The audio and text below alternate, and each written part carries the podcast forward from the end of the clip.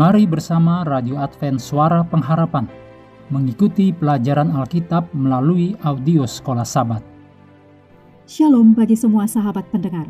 Kabar baik bahwa kisah dan kesaksian terkait siaran dan pelayanan AWR Indonesia kini dapat diikuti secara berkala, baik melalui siaran harian Radio Advent Suara Pengharapan setiap minggu kedua dan keempat, juga melalui YouTube dan Facebook AWR Indonesia. Terima kasih banyak untuk yang sudah menyampaikan dan masih terbuka bagi Anda semua untuk segera SMS atau telepon ke nomor AWR di 0821 1061 1595 atau di nomor 0816 1188 302 untuk WhatsApp dan Telegram. Kami tetap menunggu dukungan Anda. Selanjutnya kita masuk untuk pelajaran hari Rabu tanggal 24 Agustus.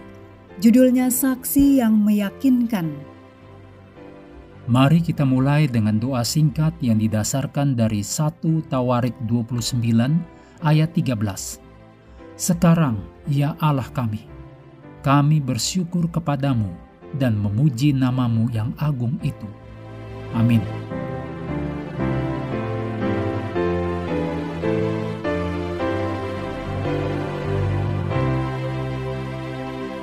Dalam kitab Kisah Para Rasul, Pujian memiliki pengaruh yang mencengangkan bagi mereka yang mendengarnya.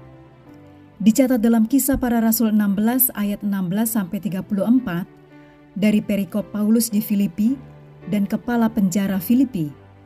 Setelah dilucuti dan dipukuli dengan keras, Paulus dan Silas dijebloskan ke dalam penjara. Tidak ada seorang pun di penjara itu yang mengoleskan salep pada punggung mereka yang luka parah dan memar dalam kesakitan fisik yang luar biasa dan dengan kaki terjepit, mereka ditempatkan dalam kegelapan penjara bagian dalam. Tetapi ketika para tahanan lain duduk mendengarkan, Paulus dan Silas mulai berdoa dan bernyanyi.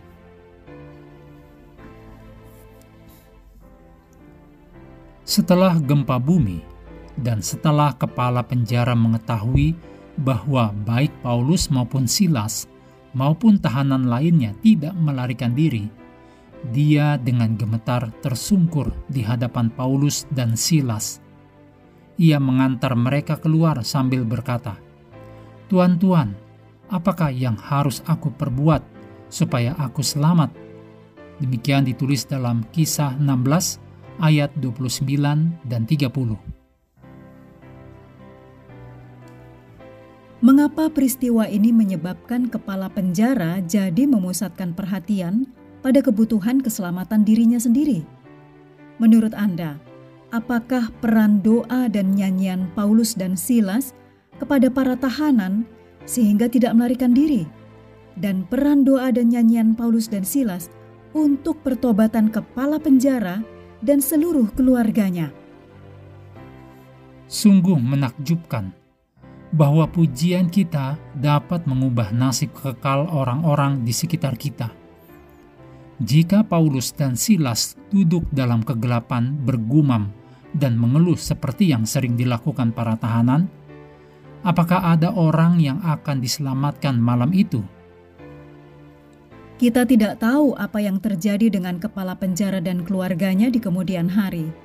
Tetapi dapatkah Anda bayangkan mereka membaca kata-kata yang kemudian ditulis Paulus dari penjara lain di Roma, yang dicatat dalam Filipi 1 ayat 29 dan 30. Sebab kepada kamu dikaruniakan bukan saja untuk percaya kepada Kristus, melainkan juga untuk menderita untuk dia. Dalam pergumulan yang sama, seperti yang dahulu kamu lihat padaku, dan yang sekarang kamu dengar tentang aku jika kepala penjara Filipi dan keluarganya membaca ayat ini dan merenungkan bagaimana penderitaan Paulus telah membawa sukacita bagi mereka, itu pasti membawa sebuah lagu ke dalam hati mereka dan tantangan baru untuk tetap setia berapapun harganya. Siapa yang dapat dipengaruhi oleh lagu pujian dari hati Anda untuk dimenangkan bagi Allah? Buatlah upaya bersama untuk lebih terbuka dan lebih banyak menyuarakan pujian kepada Allah bagi sekitar Anda. Anda tidak pernah tahu efek positif yang ditimbulkan dari lagu pujian bagi Allah ini. Mengakhiri pelajaran hari ini, mari kembali kepada ayat hafalan kita Filipi 4 ayat 4. Bersukacitalah senantiasa dalam Tuhan. Sekali lagi kukatakan, bersukacitalah.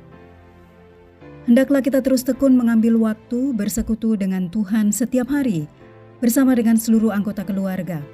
Baik melalui renungan harian, pelajaran sekolah sahabat, juga bacaan Alkitab sedunia percayalah kepada nabi-nabinya, yang untuk hari ini melanjutkan dari Hakim-Hakim pasal 12. Tuhan memberkati kita semua.